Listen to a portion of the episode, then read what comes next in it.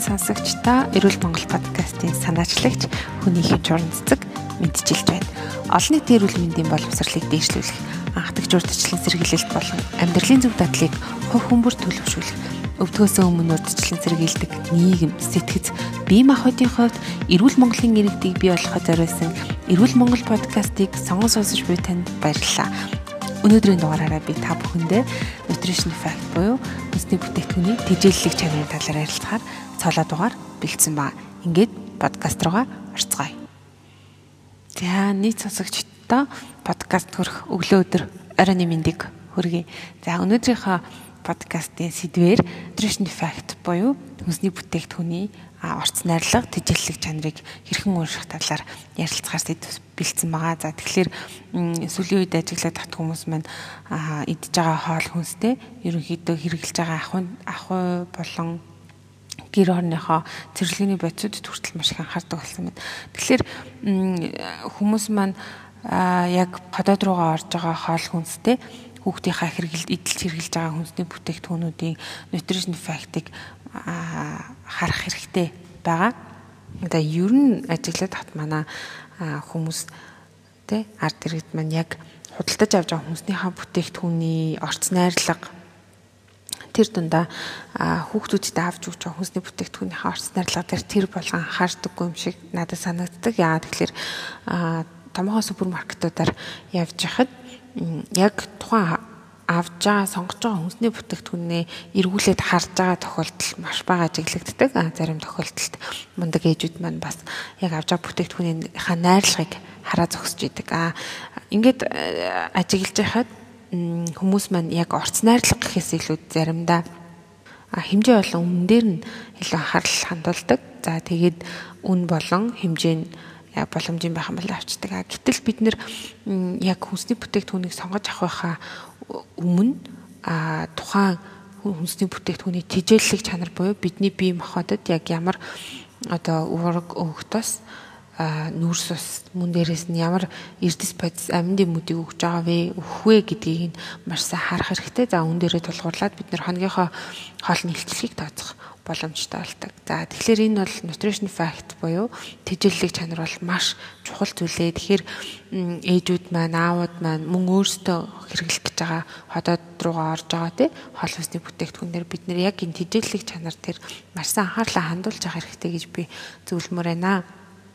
За nutrition fact-ыг ерөнхийдөө ингээд харах юм бол хамгийн эхлээд яг тухайн хүнсний бүтээгдэхүүний хэмжээс буюу одоо жишээлх юм бол 230 грамтай хам бол 230 грамд гэж бичсэн байгаа. Зарим бүтээгдэхүүнүүд маань 100 г хүрдэггүй учраас 100 одоо яг тухайн хүнсний бүтээгдэхүүн 40 г байх юм бол 40 г да нэг нутрийн тэжээллэг чанарын одоо үзүүлэлт 100 г-д бас нэг тэжээллэг чанарын үзүүлэлтүүдийг бичиж өгсөн байдаг.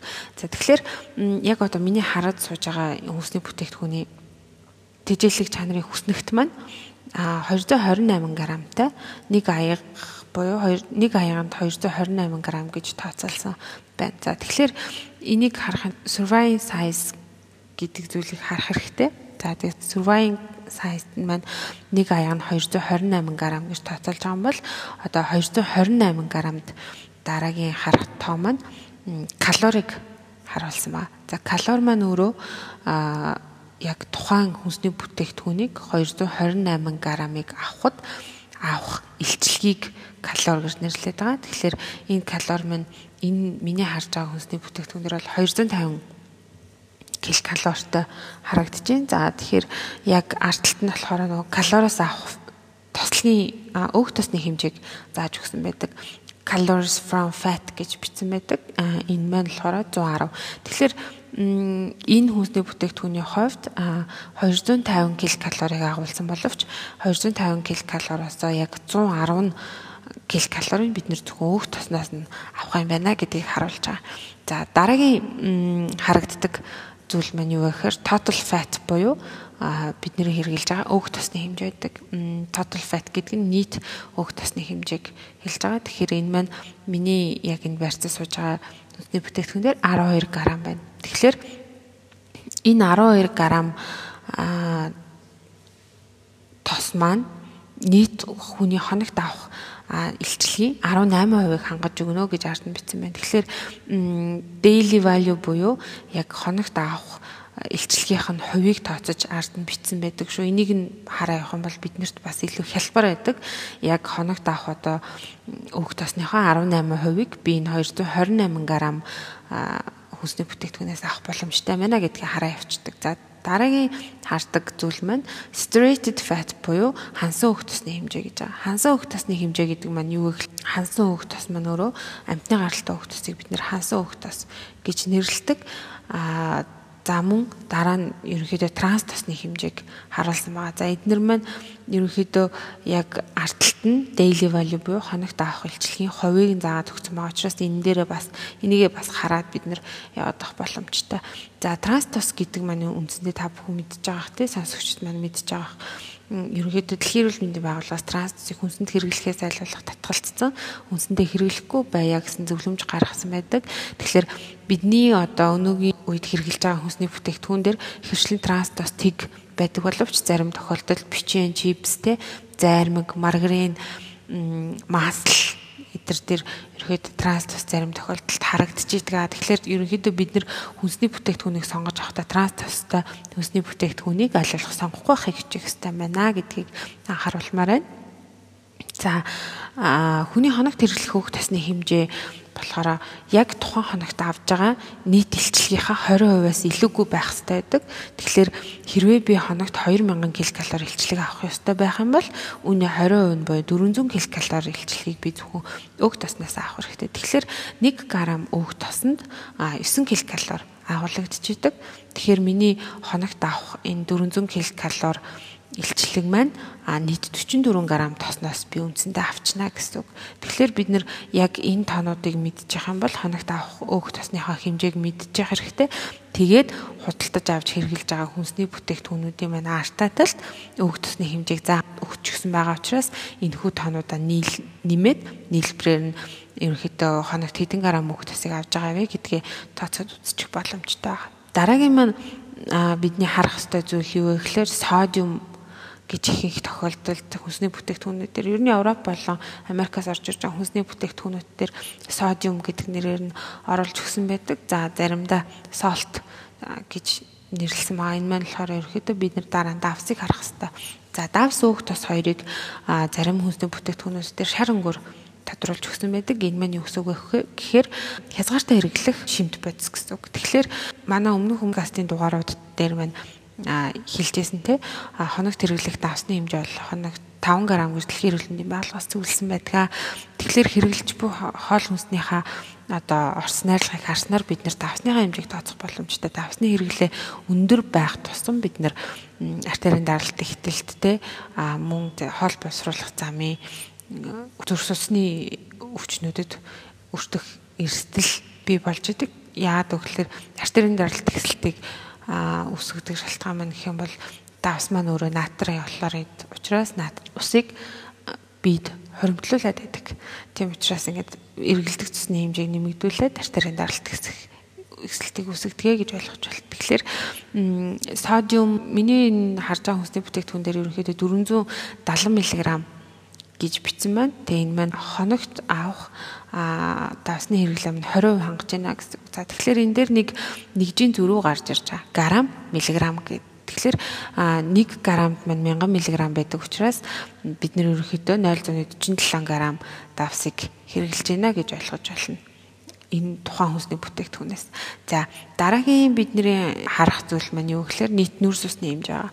За тооцож үзснээр одоо жил биеийн жингээ барьж байгаа эсвэл турах гэж байгаа тий ийм бүсгүүчүүд маань нүүрс усныхаа хэмжээнээр хяналт тавь явуучих боломжтой гэсэн үг. Тэгэхээр нийт нүүрс усны маань хэмжээ энэ хүнсний бүтээгдэхүүнээр 31 г буюу яг хоног тэрглэх нүүрс усны маань 10%-ийг эзэлж байна гэж зааж байна.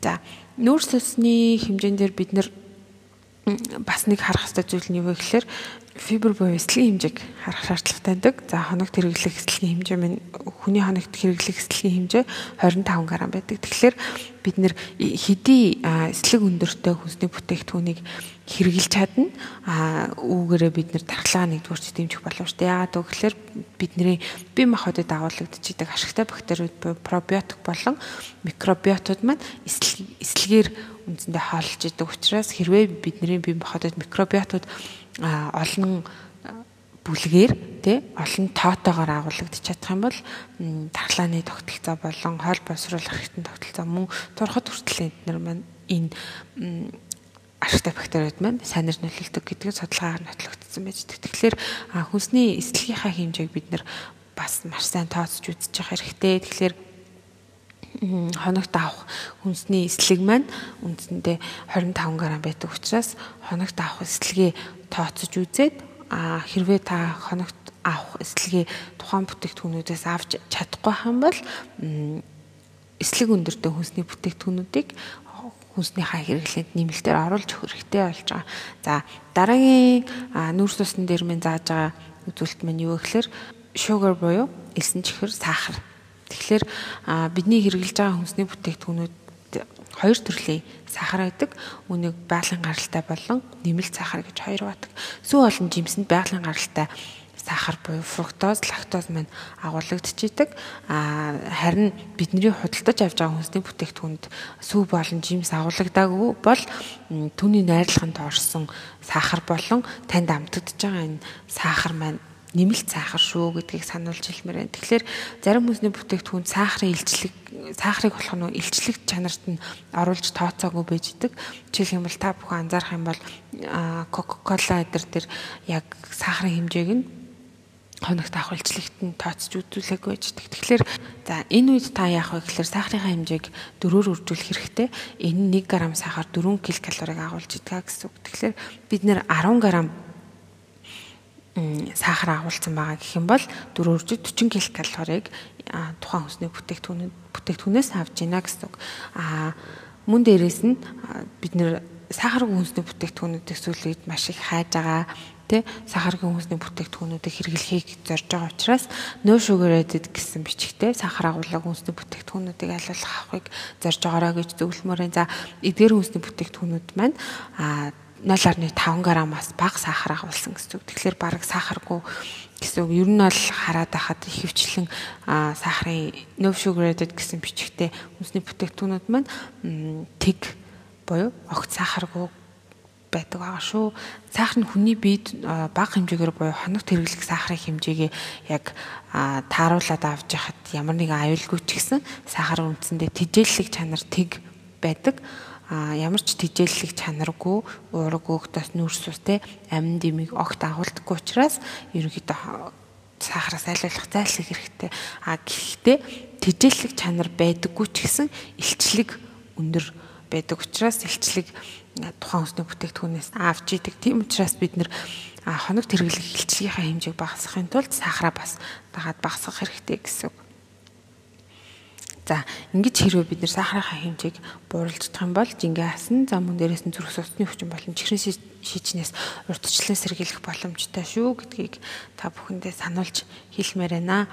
За дараагийн бид нар дээр яг энэ nutrition fact буюу хичээллэг чанар дээр харах гол зүйл маань юу гэхээр уургийн хэмжээ байгаа. Тэгэхээр бид нэр бас яг протеин буюу уургийнхаа хэмжээг хоногт авах илчлэгийнхаа шимпэтийнхаа хэмжээг авч чадж гинүү гэдгээ daily daily value буюу тэр яг хоногт авахлцлынхаа хувьас хараад мөн хоногт авч байгаа уургийнхаа хэмжээг тооцоод явах боломжтой шүү. За энэ яг нэг шимпэцүүдийнх нь арт зоож өгсөн байгаа. Тэгэхээр ерөнхийдөө 5-аас доош хувьтай хам бол бид нэр баг 20-оос дээш хувьтай хам бол ер нь боломж юм байна гэж үзэх хэрэгтэй.